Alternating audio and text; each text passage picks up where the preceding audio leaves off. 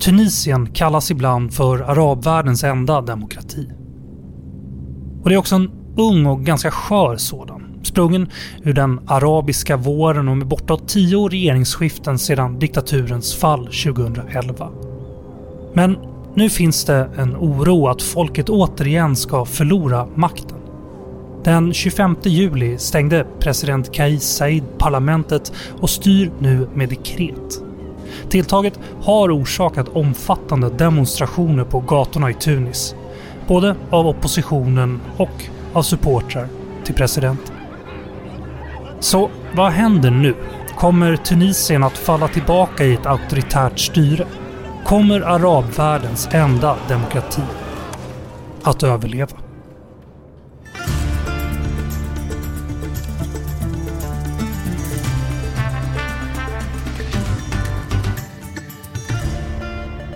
Du lyssnar på Utrikespolitiska institutets podd Utblick och jag heter Jonas Lövenberg.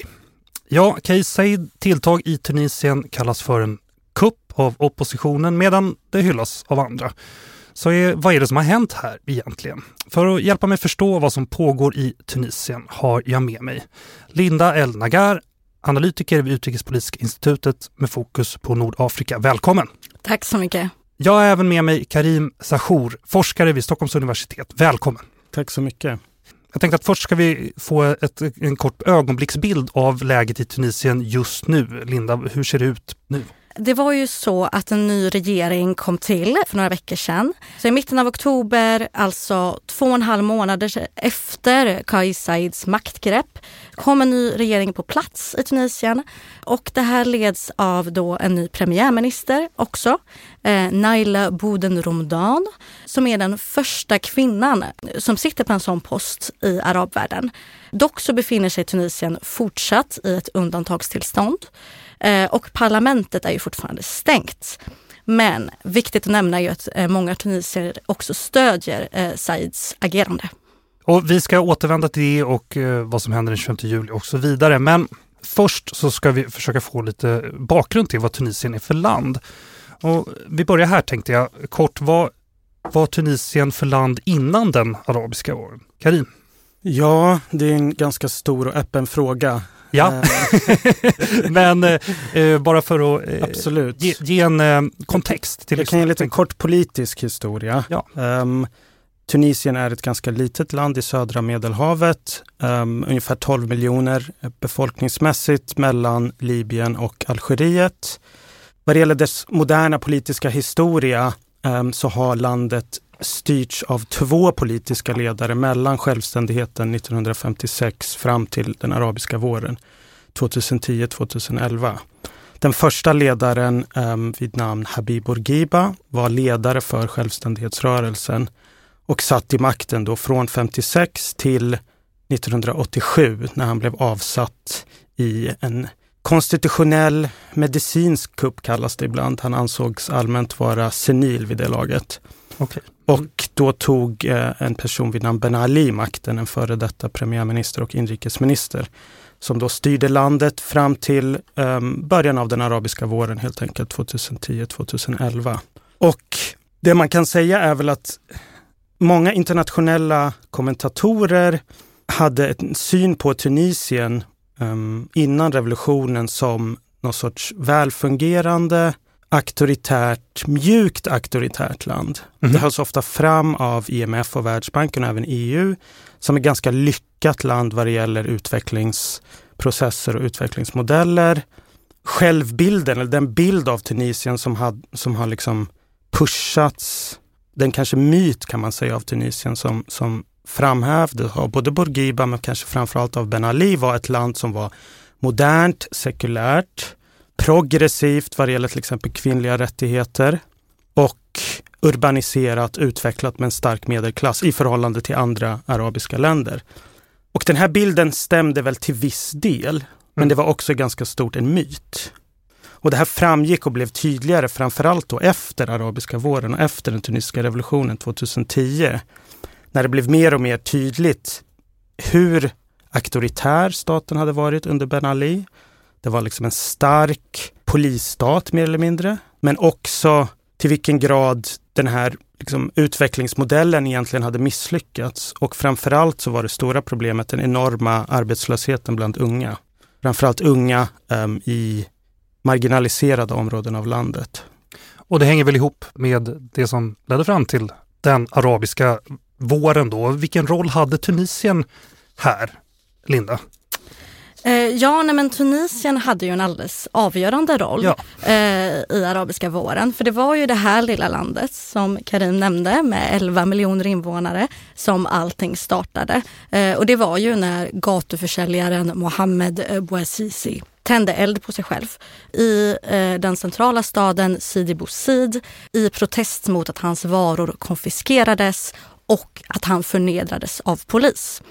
Och det här som hände, alltså um, den totala bristen på värdighet som, hela, eh, som den här händelsen representerade, det var något som resonerade väldigt djupt med många tunisier, men också med många andra människor, alltså i hela den bredare eh, Mellanöstern och Nordafrika-regionen. Så med det sagt så protester spred sig ju eh, som bekant Eh, som en löpeld genom regionen eh, och där människor helt enkelt hade krav på bröd, frihet, social rättvisa. Men jag kan även nämna att det, det, här hade ju lika gärna egentligen kunnat starta någon annanstans. Jag vet inte om du håller med mig eh, om det Karim, annars får du gärna säga till. Men det är ju just det att eh, för, för, det man protesterar mot, alltså de här strukturerna, det är ju det är korruption, det är klientelism, eh, det är fattigdom eh, och liksom bredare auktoritära strukturer. Mm. Eh, så, så, så, det, det är någonting man ser i hela regionen. Och det är också så att vi pratar ofta om liksom 2011 som någon sorts milstolpe. Men under hela 2000-talet så har det ju skett liksom fler och fler eh, demonstrationer och missnöjesyttringar eh, i regionen. Just det, och, den, och revolutionen började väl egentligen 2010 i Tunisien? Ja. Dessutom. Men då, till skillnad från i många andra länder så ledde de här protesterna, eller ska vi kalla det revolutionen kanske, i Tunisien till ett demokratiskt styre faktiskt. Det har ju inte gått lika bra i, i alla grannländer med det där. Men hur har det senaste decenniet av demokrati sett ut i Tunisien, Karim? Ja, um, vi kan ju titta på det lite olika perspektiv. Om ja. vi tittar rent politiskt så kan vi väl säga att Tunisien har dominerats sedan revolutionen och Ben Alis fall av två politiska partier slash rörelser. Det första är El Nahda. Det som brukar kallas för ett, någon sorts moderat muslimskt parti eller demokratiskt muslimskt parti lett av eh, Rashid El-Ghanouchi.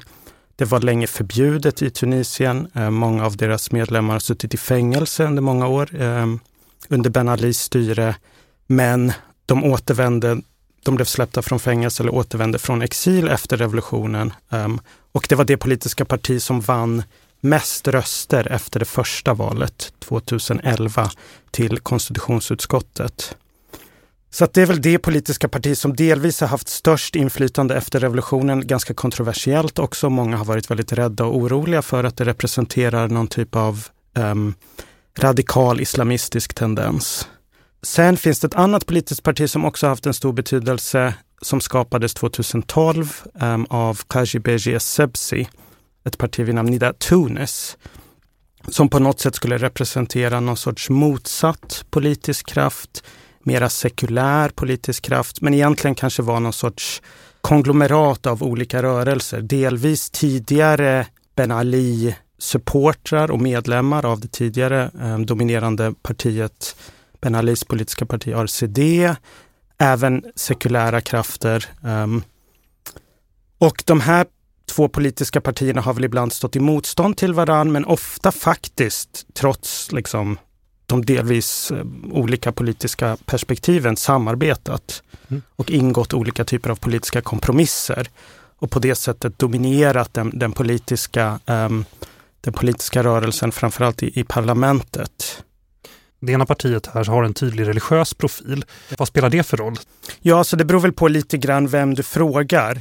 Och i vissa fall har, har liksom partiet och Rashid El Ghanouchi gått ut med att säga att, att vi är liksom demokrater först och muslimer sen. Mm.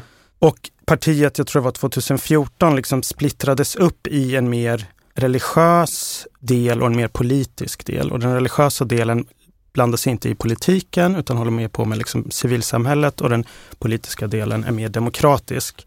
Men det finns som jag sa en rädsla för att, att liknande Muslimska brödraskapet um, i andra delar av arabiska världen, att det finns någon sorts hemlig agenda och de vill egentligen föra in Tunisien i en mer muslimsk, konservativ, um, odemokratisk riktning. Jag tror väl att, att det är väl kanske lite överdriven rädsla, även om den är delvis förståelig om man tittar på andra delar av arabvärlden. Um, och det är väl den rädslan som då det här andra partiet, Nida Tunis, har kunnat spela på, på något sätt. Mm. För att det finns en allmän stolthet tror jag bland tunisier där man ser landet som mer sekulärt, mer modernt, mer progressivt än andra arabiska länder. Men eh, trots då att det låter som att det, man har kunnat hitta politisk konsensus ibland och så vidare, det har ändå eh, nio regeringar va, har det hunnits med sedan revolutionen. Kan du säga något om det? Varför då?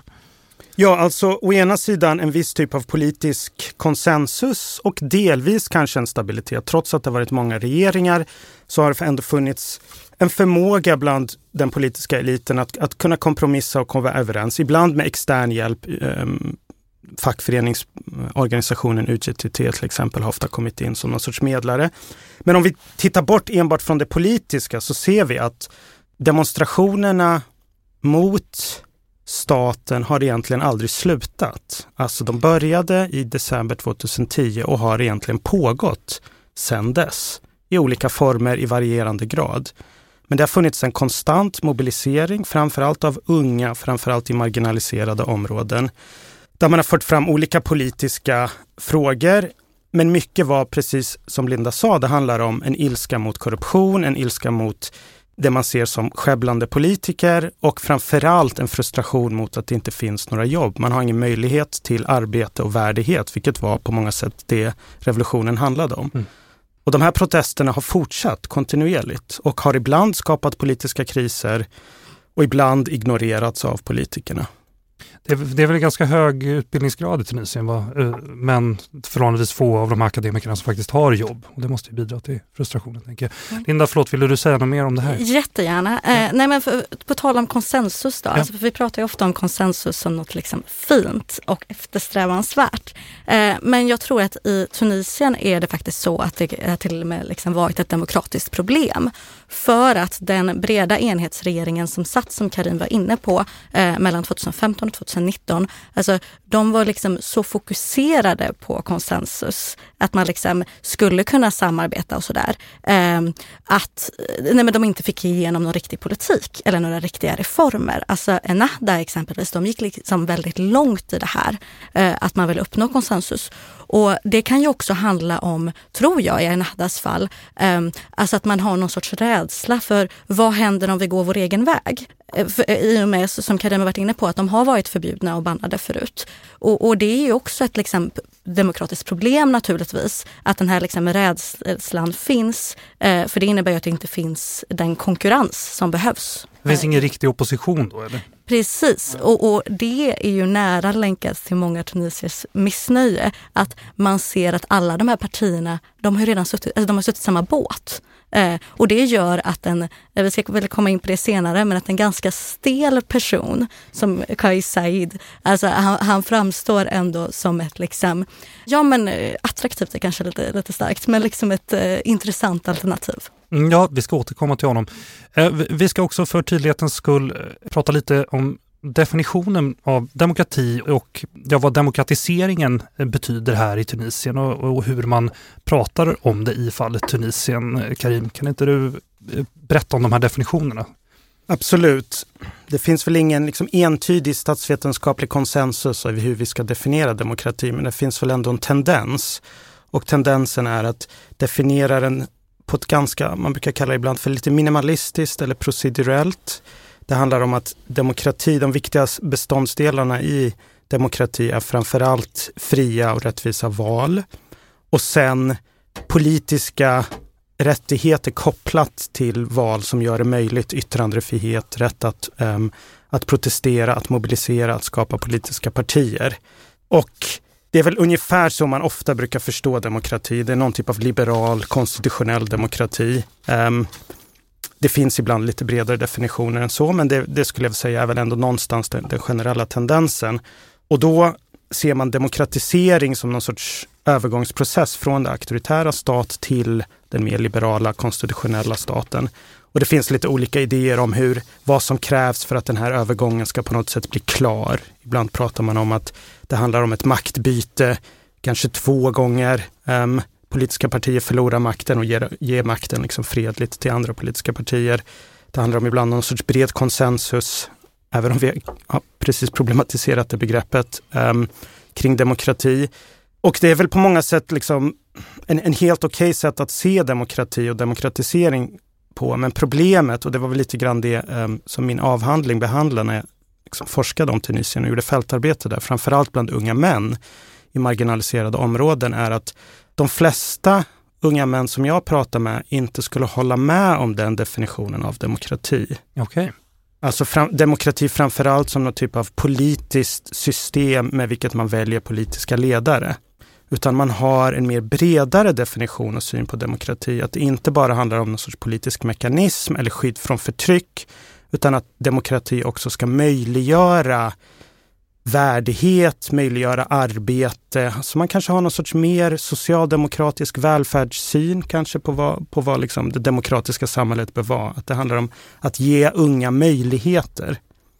Och jag tror att det här liksom glappet i den här synen på demokrati kan ofta förklara varför den här frustrationen finns. Alltså å ena sidan någon sorts konsensus bland statsvetare att Tunisien är ett lyckat demokratiskt liksom, exempel. Men å andra sidan när man väl pratar med Tunisien, framförallt unga, en enorm liksom, frustration och ilska. Också känsla av att, att liksom, det här är inte riktig demokrati, revolutionen har inte lyckats. Vad spännande. Ville du ja, nej, haka på där? Ja, ja nej, jag vill bara säga att jag verkligen håller med. Eh, för just sådana uttalanden, det såg man ju efter den 25 juli. Alltså, eh, för oss i Sverige kan det, det kan vara lite svårt att förstå. Eh, hur kan det vara så att det är så många som stödjer det som har hänt? Men det handlar ju också om att många tunisier Alltså, även fast det liksom på pappret har varit en demokrati så ser de det inte så för att de här kraven från arabiska våren, eh, så återigen, liksom, det om, handlar om jobb, det handlar om frihet, det handlar om social rättvisa. Eh, regeringen har inte levererat detta. Eh, vi pratar här om, om, om huruvida Tunisien faktiskt har lyckats med att uppnå en demokrati utifrån olika definitioner här. Men eh, det är ju ändå så att Tunisien har kommit längre än många av grannarna då. Så varför är det just Tunisien som har lyckats uppnå någon typ av demokrati? Vad har det här landet eh, för särskilda förutsättningar som gjort det möjligt? Karim? Ja, det är väl frågor som, som många statsvetare och demokratiseringsforskare har, har liksom brottats med. Vad är det som gör att vissa länder lyckas demokratisera mer än andra? Och det som också Linda var inne på, det, det var väl inte på något sätt självklart att, att demokratiseringen eller arabiska våren skulle börja i Tunisien. Och inte heller självklart liksom när eller hur det skulle ske. Men när det väl hade satt igång en demokratiseringsprocess um, i Tunisien och i andra arabiska länder så var det inte så förvånande att det lyckades bättre i Tunisien än, än i, i andra länder utifrån de förutsättningar som man ofta brukar titta på vad det gäller demokratisering. Och det finns liksom lite olika perspektiv, men till exempel det man brukar kalla för moderniseringsteori menar på att de strukturella förutsättningarna är viktiga. Och här pratar man mycket om, som du var inne på, hög utbildningsgrad, även urbanisering, industrialisering, en stark medelklass. Och där passar Tunisien in mer än, än andra liksom, arabiska länder. Det finns även lite andra perspektiv som också tittar på till exempel vad relationen mellan olika klasser, arbetarklassen och medelklassen. Och även här tycks Tunisien passa in ganska bra. Jag var inne på tidigare det här med UGTT, den här fackföreningsrörelsen som delvis har varit något, till viss grad självständig i Tunisien till skillnad från andra arabiska länder och på något sätt har kunnat föra samman olika klasser um, och mobilisera olika grupper i en, i en demokratisk riktning. Sen finns det andra perspektiv inom demokratiseringsforskning som tittar på politiska eliter och politiska ledare. Och även där så har liksom Tunisien lite bättre förutsättningar. Ehm, det finns delvis en tradition av, av någon sorts politiskt samarbete över olika blockgränser. Även om, som vi var inne på, det finns risker med det också. Mm bland den politiska oppositionen i Europa ehm, så hade man redan innan revolutionen kommit överens om att man skulle samarbeta och, och liksom pusha landet i en demokratisk riktning. Ehm, så det liksom fanns många faktorer. Sen tror jag också en viktig faktor som man ofta tar upp, det är det här med att Tunisien till skillnad från andra arabländer inte har en historia av en militär ehm, som blandar sig i politiken. Och det är liksom ett arv från Bourguiba som inte satsade på militären. Så att Tunisien har haft historiskt sett en ganska svag, opolitisk, neutral militär. Och vi kan gå tillbaka på om så fortfarande är fallet nu. Ehm, men det tror jag har varit en viktig faktor.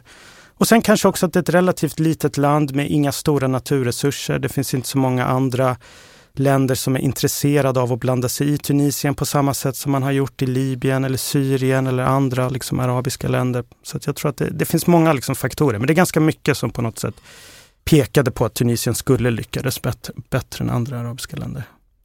Ja, eh, jag håller verkligen med om den beskrivningen. För på tal om militären då, den är ju eh, institutionaliserad i Tunisien till skillnad från hur exempelvis det ser ut i Algeriet där eh, olika klaner dominerar på ett annat sätt.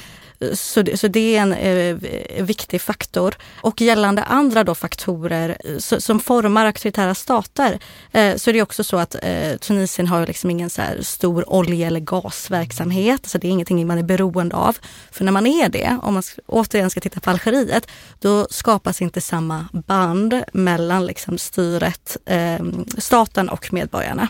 Så det är också någonting man saknar. Och som du var inne på Karim, alltså Tunisien har ju inte samma roll i det här större the great game som sker i Mellanöstern. Liksom. Alltså det, det är inte, liksom, man har inte samma roll som Egypten exempelvis. Eh, och det gör ju det lättare då för det internationella samfundet att, eh, ja, men att faktiskt att fördöma om det är någonting som sker där som man inte gillar. Demokratin då i Tunisien, eh, trots problematiseringen av, av hur, huruvida, hur demokratiskt eh, Tunisien är då. Men vad har det för betydelse för regionen att eh, det har kunnat utvecklas en demokrati i Tunisien? Linda? Ja men det har ju absolut en viss eh, liksom betydelse. Eh, det här är ju ett frö som kan gro eh, och forskningen visar ju att det är gynnande att ha andra demokratier i sitt närområde. Så exempelvis när demokratiseringen av Östeuropa eller Latinamerika skedde, då var det en snowball-effekt liksom och då är det skedde i de flesta delarna av de regionerna. Och jag tror också att många andra liksom i arabvärlden och Mellanöstern och Nordafrika nej ser upp till Tunisien eller liksom ser, ser det som en inspirationskälla. Så det, så det är viktigt. Men sen återigen, vi får, får komma tillbaka till det här att det är ett litet land mm. med 11 miljoner invånare som liksom geopolitiskt inte väger jättetungt. Äh, så att exakt hur stor betydelse det har, det är lite svårt att säga. Karin, vad tror du? Jag tror absolut att det har och kan ha en jättestor betydelse, som Linda var inne på, som någon sorts modell. Alltså, det har länge funnits argument i att på något sätt liksom, arabvärlden inte riktigt är demokratiskt, att demokrati inte riktigt kan gro i arabvärlden eller liksom arab-muslimska världen. Så att det är något sorts väldigt viktigt kontraexempel att, att, mm. att det finns en möjlighet för någon sorts demokratisk process i ett arabiskt land. Så att, så att som någon sorts symbolisk modell är det väldigt, väldigt viktigt skulle jag säga. Nu har vi fått oss en bild av situationen och eh, hur det står till med den politiska historien, eller de senaste, det senaste decenniet i varje fall. Så nu tänkte jag vi ska återvända till det som pågår just nu. Alltså vad hände då den 25 juli i år och varför? Linda, du kan få berätta det. Ja, eh, så genom att åberopa artikel 80 i konstitutionen som ger presidenten extra befogenheter i tider av överhängande hot Eh, så samlade president Said den verkställande, lagstiftande och juridiska makten under sig. Och det här innebär ju då, eller det innebar att det inte längre fanns några checks and balances eh, kring hans makt. Det är ju liksom ganska viktiga eh, kontrollfunktioner då av makt. Så från den 25 juli fram till att en ny regering utsågs i mitten av oktober eh, så var det ganska svårt att liksom prata om Tunisien i termer av demokrati. Och jag skulle vilja, vilja säga att Saids maktgrepp var ett svar på en tredimensionell kris. Vi har tre aspekter. Vi har en politisk, en ekonomisk och en social. Mm. Den politiska, det eh, har vi varit inne lite på eh, tidigare, men det är att det har varit väldigt stökigt i tunisisk politik. Så 2019 så var det ju val, parlamentsval och eh, presidentval. Och de här valen de resulterade i ganska populistiska figurer. Det tog lång tid att få till en regering och sen har, har liksom parlamentet paralyserats mycket av olika eh, maktstrider. Så det har varit en maktstrid mellan president Said och eh, Ghanouchi, alltså ledaren för Nahda. Och sen var det också en annan maktstrid mellan Said och den tidigare premiärministern eh, Meshishi. Så det är den politiska aspekten. Bra, jättebra sammanfattning. Ja, nej men den ekonomiska då, om man ska ja. gå vidare där. Ja. Eh, nej men det är ju helt, alltså det är, förra året så krympte Tunisiens ekonomi med 8,5 procent tror jag att det var. Mm. Och det är liksom så här, ja, men siffrorna på arbetslöshet är, är, är jättehöga. Eh, det är ju uppe i, vad är det, 18 procent? Ja, jag tror alltså ungdomsarbetslösheten kan ligga ja. på över 40 procent. Och det är också i vissa områden, särskilt de här södra delarna och mm. inåt landet, där ligger det säkert på 80 80 procent mm. i vissa områden. Så det, mm. det är liksom verkligen en ekonomisk kris. Mm. Nej men precis. Jag läste bara en så här, eh, forskare, Monica Marks, som sitter på NYU i Abu Dhabi hade sagt. Och hon, hon kommenterade så här att eh, det finns några faktiska frukter från eh, revolutionen eh, och en av dem är yttrandefrihet och den är ju inte ätbar. Eh, och, alltså det, det, beskriver liksom läget ganska bra. Mm. Och ett tillägg då så var det också en social kris, eller det, det var det i alla fall. Eh, och det var ju så att den 25 juli, då var ju Tunisien mitt uppe i sin värsta period av pandemin. Mm. Um, så då var alltså dödstalen i Tunisien uh, högst per capita i hela världen. Oj, ja. Men vad har hänt då sedan den 25 juli? Alltså hur, hur var de här, eh, de här månaderna när han styrde med dekret? Hur var de i landet? Eh, ja, nej, men alltså det, det, har ju varit mycket av ett undantagstillstånd. Mm. Eh, för den stora frågan eh, ja, men i, i, juli och sedan i augusti, det var ju kommer han att förlänga det eller inte? Kommer han att liksom, eh, för, först då acceptera eh, 30 eh, dagars perioden och det gjorde han inte. Och som du är inne på, sen vill han styra med dekret. Så, så det har väl varit mycket av ett dödläge liksom, eh, i Tunisien. De, de många oroar sig över vad som ska hända. Eh, och en del, Karim har ju varit inne på betydelsen av UGTTT, alltså facket. De har ju liksom vänt i frågan. Det var ju eh, en av aktörerna som från början stödde Said och nu gör de inte längre det. Eh, och missnöjet har ju ökat bland många. Men vem är han då, Kais Said? Ja, eh, nej men ironiskt nog så är Kais Said en tidigare okänd eh, professor i författningsrätt. Smalt. ja, ja, ja, precis. Så dels är det ju smalt och dels är det ju det här då att eh, eh han är prof liksom, tidigare professor i författningsrätt men eh, nu anklagas han ju för en statskupp. Eh, så, så, det är den dimensionen av det också. Och han är ju då som sagt en av de här populisterna som kom fram med, efter valen 2019 han är partipolitiskt obunden. Det är någonting han är väldigt stolt över. Då eftersom han liksom gärna pekar på att alla de andra eh, politikerna är korrupta.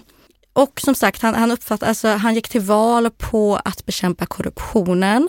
Eh, och det här är ju verkligen någonting som resonerar med många tunisier. Och det samt hans stela sätt eh, har fått honom att kallas för Robocop. Mm. Eh, så, så, det är så han är känd. Ja. Eh, sen något annat som jag tror är viktigt gällande, alltså jag tänker på två saker gällande ja. Said. Eh, det ena är att han eh, på arabiska, alltså så han brukar kallas för shabi. Alltså han, är, han uppfattas som folklig. Aha. Han går liksom, ja, men han går till vanliga kaféer på gatan, tar en kaffe. Alltså så här, ses inte, trots då sin liksom akademiska bakgrund, så att han inte ses som liksom elitistisk på det sättet. Så det är någonting som då, trots hans stela sätt, resonerar med folk.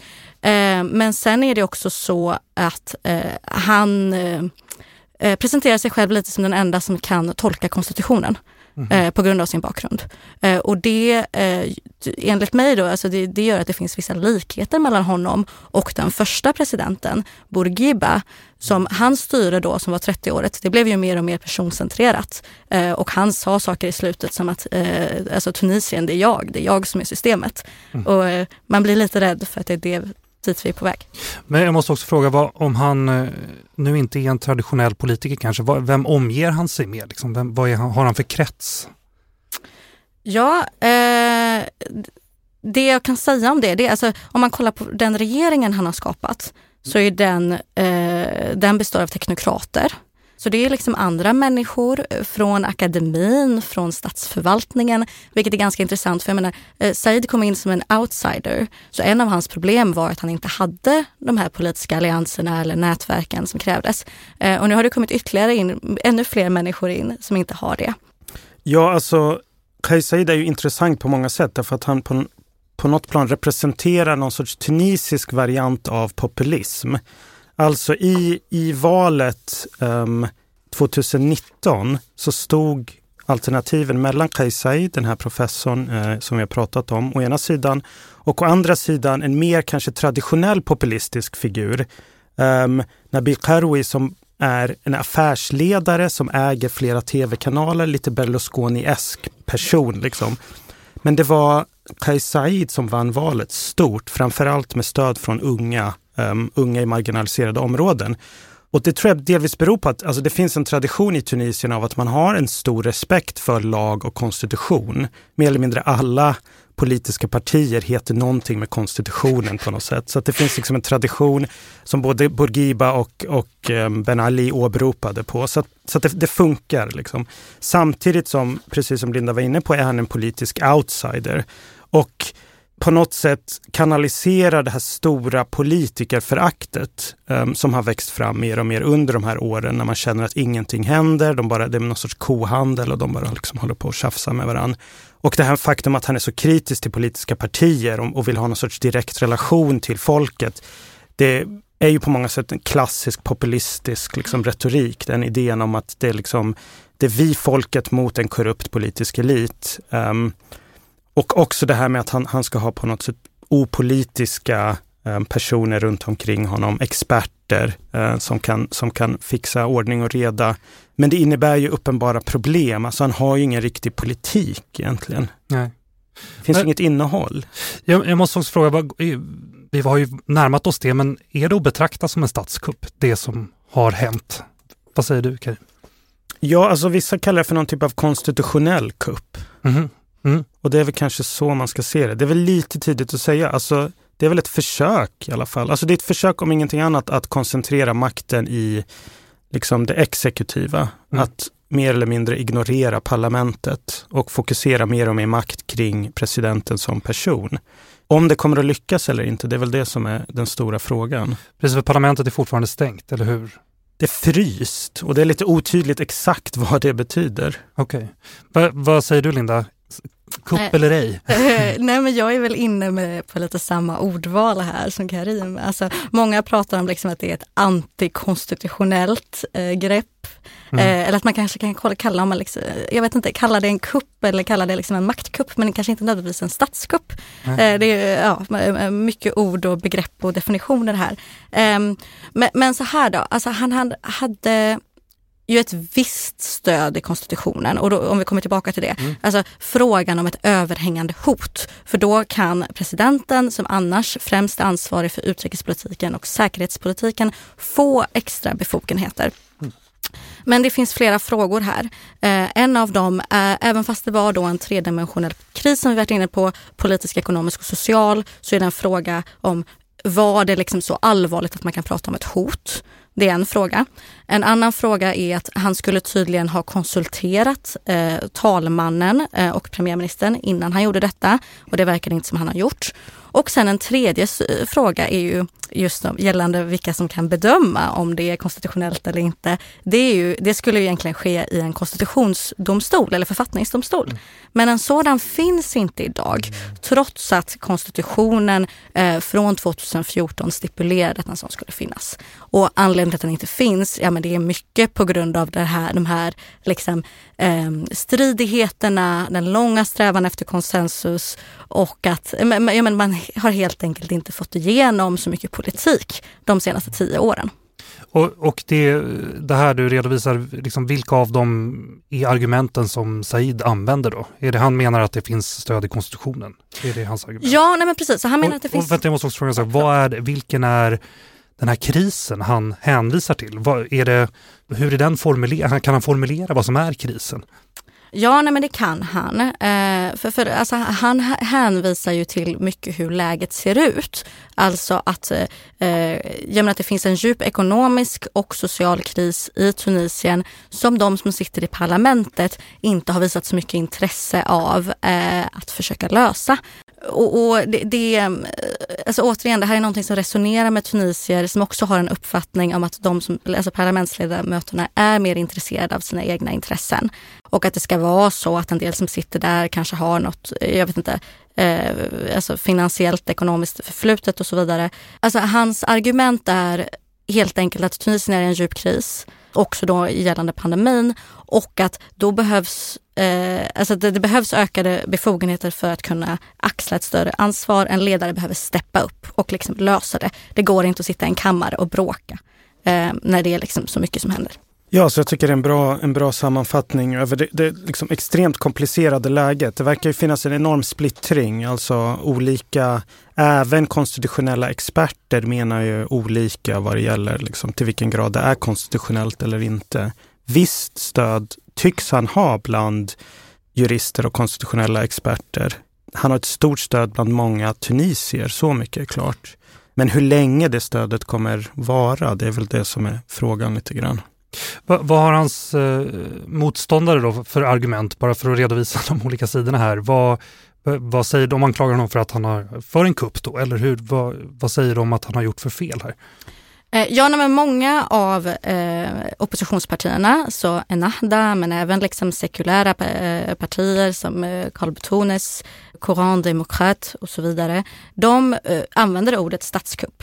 Mm. Och de uttrycker en stor oro för det de ser som en liksom enorm maktkoncentration kring en person. De, de menar att det är en demokratisk backslide och att det är för mycket av en one man show i Tunisien idag helt enkelt och att han alltså därför har förlorat sin legitimitet. Vi, vi var inne på det lite tidigare här, att eh, hur militären förhåller sig till allt det här. Så jag tänkte fråga det också, militären och på polisen kanske också och andra funktioner i samhället. Hur ställer de sig till det som har hänt? Stöttar de en sida eller liksom, hur funkar det? Nej men som eh, vi har pratat lite om tidigare, eh, militären har historiskt sett inte någon stor roll i det tunisiska samhället efter att den första presidenten Bourguiba utsattes för ett kuppförsök 1962 och efter det så var han väldigt inställd på att han inte ville att militären skulle ha någon viktig roll. Så Ben Ali införde ju istället en polisstat men alltså, det, som jag kan se det så kan jag inte se att någon av de här liksom, um, institutionerna har haft några jättesynliga roller. Alltså det vi har sett är ju att eh, liksom, den 25 juli så visst, det var ju militärer runt liksom, parlamentsbyggnaden och blockade ingången för eh, ledamöter eh, som såklart är en oroande syn. Men jag skulle ändå, alltså, jag, jag tror inte att alls att det finns samma risk för liksom, en militärkupp som i andra länder, alltså så i, i regionen. Däremot så är det ju så att det är en del parlamentsledamöter som har arresterats av säkerhetsstyrkor. Alltså eh, parlamentsledamöter som har uttryckt sig kritiskt om mm. Saids drag. Um, så, så det, finns ju, eh, det, det, finns ju skäl för viss oro. Vad säger du Karin, vad, vad har militären och polisen för roll här? Jag håller nog med Linda tror jag. Jag tror inte att det är någon omedelbar risk för någon sorts militärkupp. Men det kan ju vara så, det är lite tidigt att säga, att, att militären kanske får en allt mer synligare roll. Det tycks ändå finnas något kanske tyst implicit stöd till Kais. det är också så, precis som Linda har varit inne på, så att det finns ingen riktig historia av, av inblandning av den tunisiska militären. Men det ska också sägas att, att liksom det spenderas mycket mer pengar nu på den tunisiska militären och mycket av de pengarna kommer från USA och EU.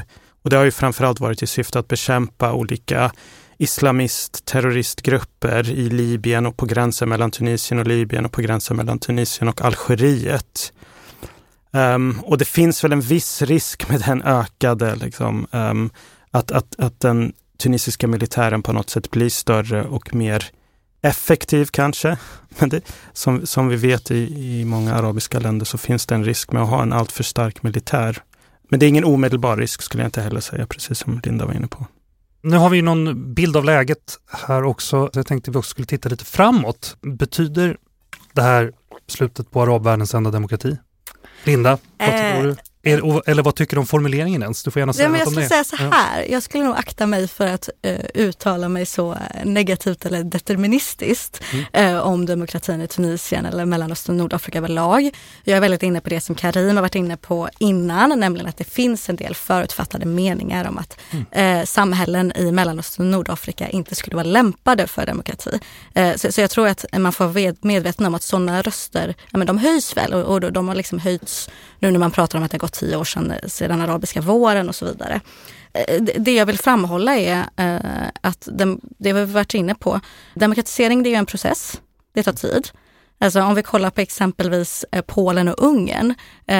De blev ju demokratier för tre decennier sedan och de brottas än idag med EU om demokratiska utmaningar såsom rättsstatens eh, principer exempelvis. Så det tar tid. Men sen är det ju, med det sagt så är utvecklingen i Tunisien fortfarande väldigt oroande. Karim, vad säger du om det? Eh, jag håller med. Jag tycker å ena sidan Tunisien har ett starkt civilsamhälle. De har um, imponerande mängd aktivister och röster. Um, de har en tradition av att demonstrera ofta och mycket. Eh, och det har vi sett bevis på under de här senaste tio åren.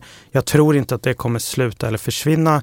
Jag tror att det finns en, en ganska liksom stor trötthet bland den tunisiska befolkningen och någon sorts förhoppning om att Kais Said ska kunna Ehm, ställa saker till rätta. Men som sagt, jag tror att det finns en klocka på det. Alltså han kan inte koncentrera makten hur länge som helst. Förr eller senare så måste det komma någon sorts upp till bevis lite grann. Och jag har svårt att se att han kommer lyckas. Så att med största sannolikhet så kan jag, tror jag att, att liksom inom en snar framtid så kommer folk um, börja demonstrera igen och, och liksom kräva, kräva någon sorts politisk förändring. Så att jag tror att liksom, Tunisien ändå visat sig vara ganska liksom, resilient och, och um, och jag tror att det finns någon sorts förankring. Alltså folk är frustrerade, men, men folk är också vana att liksom höja sina röster. Och jag tror inte att man kommer kunna åtminstone på kort sikt gå tillbaka till någon typ av um, auktoritär kontext. Ehm. Eh, um. EU vädjade till sig att öppna parlamentet igen här, uh, för några veckor sedan. Vad behöver hända för att man ska tina upp parlamentet? Vi sa att fryst, eller vad, vad, behöver man göra för att det ska öppnas igen? Vad, vad är det som ska hända? Vad väntar han på? Karim? Det är lite oklart vad han väntar på. Jag pratade med några journalistkollegor som, som sa att det spekuleras i att han väntar på pengar från Saudiarabien och Gulfen, kanske också från Algeriet och Egypten. Den ekonomiska situationen har ju försämrats ännu mer sen den här då, om man ska kalla det för, för kupp. Um, eller, eller, eller inte sen 25 juli.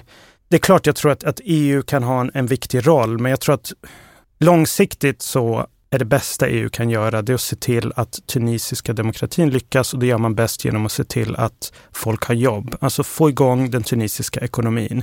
Det är någonting man borde ha gjort redan för tio år sedan. Alltså istället för att spendera pengar mer på den tunisiska militären borde man ha spenderat mycket, mycket mer pengar på stora infrastrukturella projekt.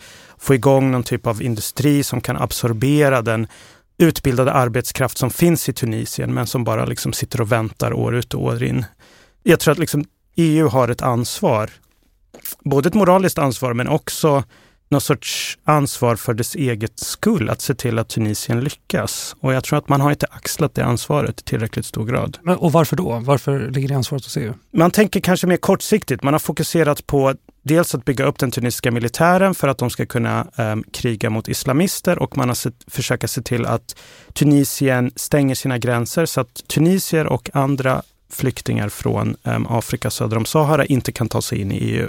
Och det är ganska kortsiktigt perspektiv istället för att fokusera på att bygga upp Tunisien som modell och se till att Tunisien inte vill lämna. Men å andra sidan, jag menar, det är ju en, alltså vi behöver bara titta på andra länder i, i Medelhavet och se, det är bara, vi behöver inte ens titta på Nordafrika, vi kan titta på Spanien, Italien, Grekland och se liksom den, den typ av ekonomisk kris som har spridit sig där väldigt länge. Och unga, arbetslösa, man kan prata om en förlorad generation. Så det, det är liksom ett, ett större ekonomiskt um, ekonomiskt strukturella problem um, där det inte kanske alltid finns någon sorts jätteenkel uppenbar lösning.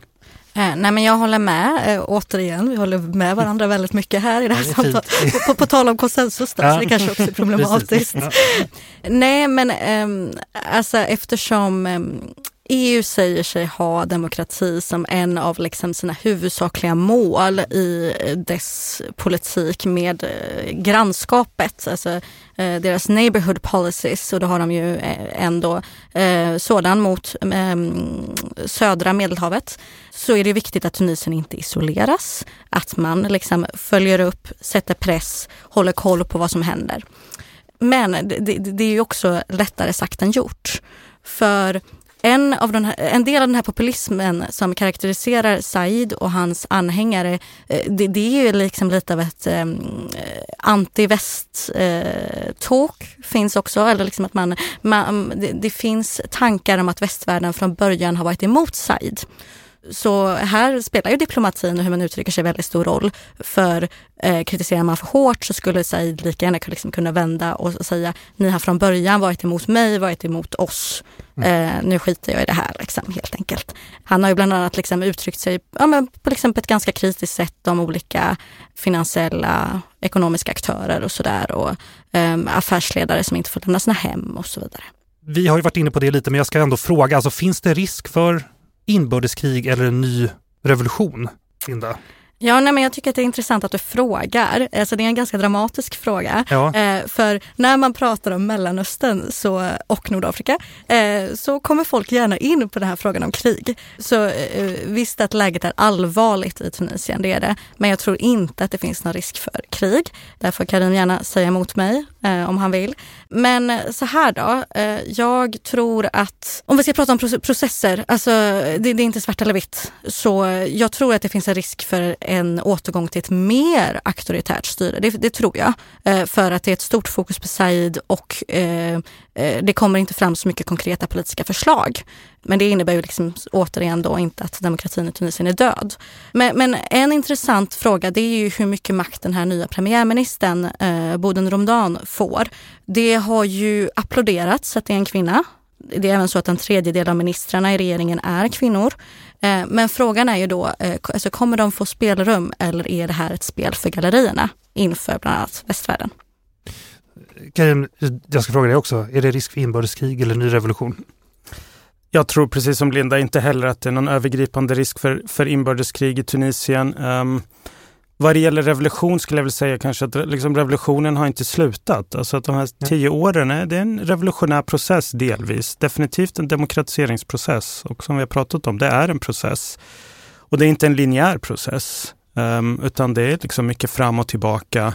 Och det är svårt att säga exakt var det kommer sluta. Jag tror att det här är ett steg tillbaka vad det gäller liksom den politiska friheterna, men det, men det är långt ifrån över som jag varit inne på. Det finns starka krafter i Tunisien som, som um, gör sig hörda och kommer göra sig hörda. Och folk har krav på staten. De har krav på att, att staten ska leverera vissa saker och så länge staten inte kommer leverera de sakerna så kommer folk fortsätta att demonstrera.